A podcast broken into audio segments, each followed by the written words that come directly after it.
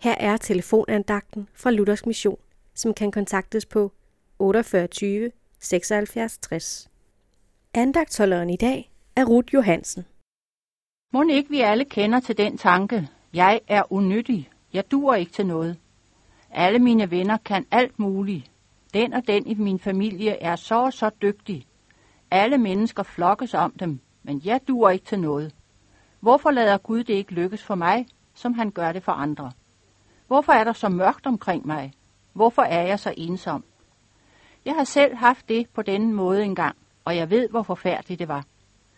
Det er vist fordi, vi kæmper for meget i os selv, så vi glemmer at trænge ind til Gud, for der at hente kraft og frimodighed. Jeg læste engang en lille beretning, som talte meget stærkt til mig.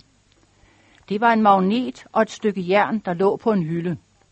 Jernet spurgte en dag magneten, hvordan kan det være, at jeg ligger her så kold og alene, mens du trækker alt og alle til dig? Kom hen til mig og læg dig tæt ind til mig, så skal du også blive magnetisk, så du kan trække andre til dig, svarede magneten. Jernet var dødt i sig selv, men når det lå helt tæt op til magneten, så blev det magnetisk og kunne trække andet til sig. Lever du for meget på afstand af Jesus, er det grunden til, at du er svag i din tro og dit vidnesbyrd. Det er kun Jesus, som kan gøre os ægte, og han siger, kom som du er, og jeg vil gøre dig til en anden, end du er.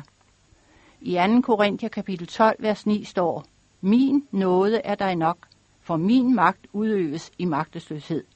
Hold dig derfor altid tæt til Jesus. Amen.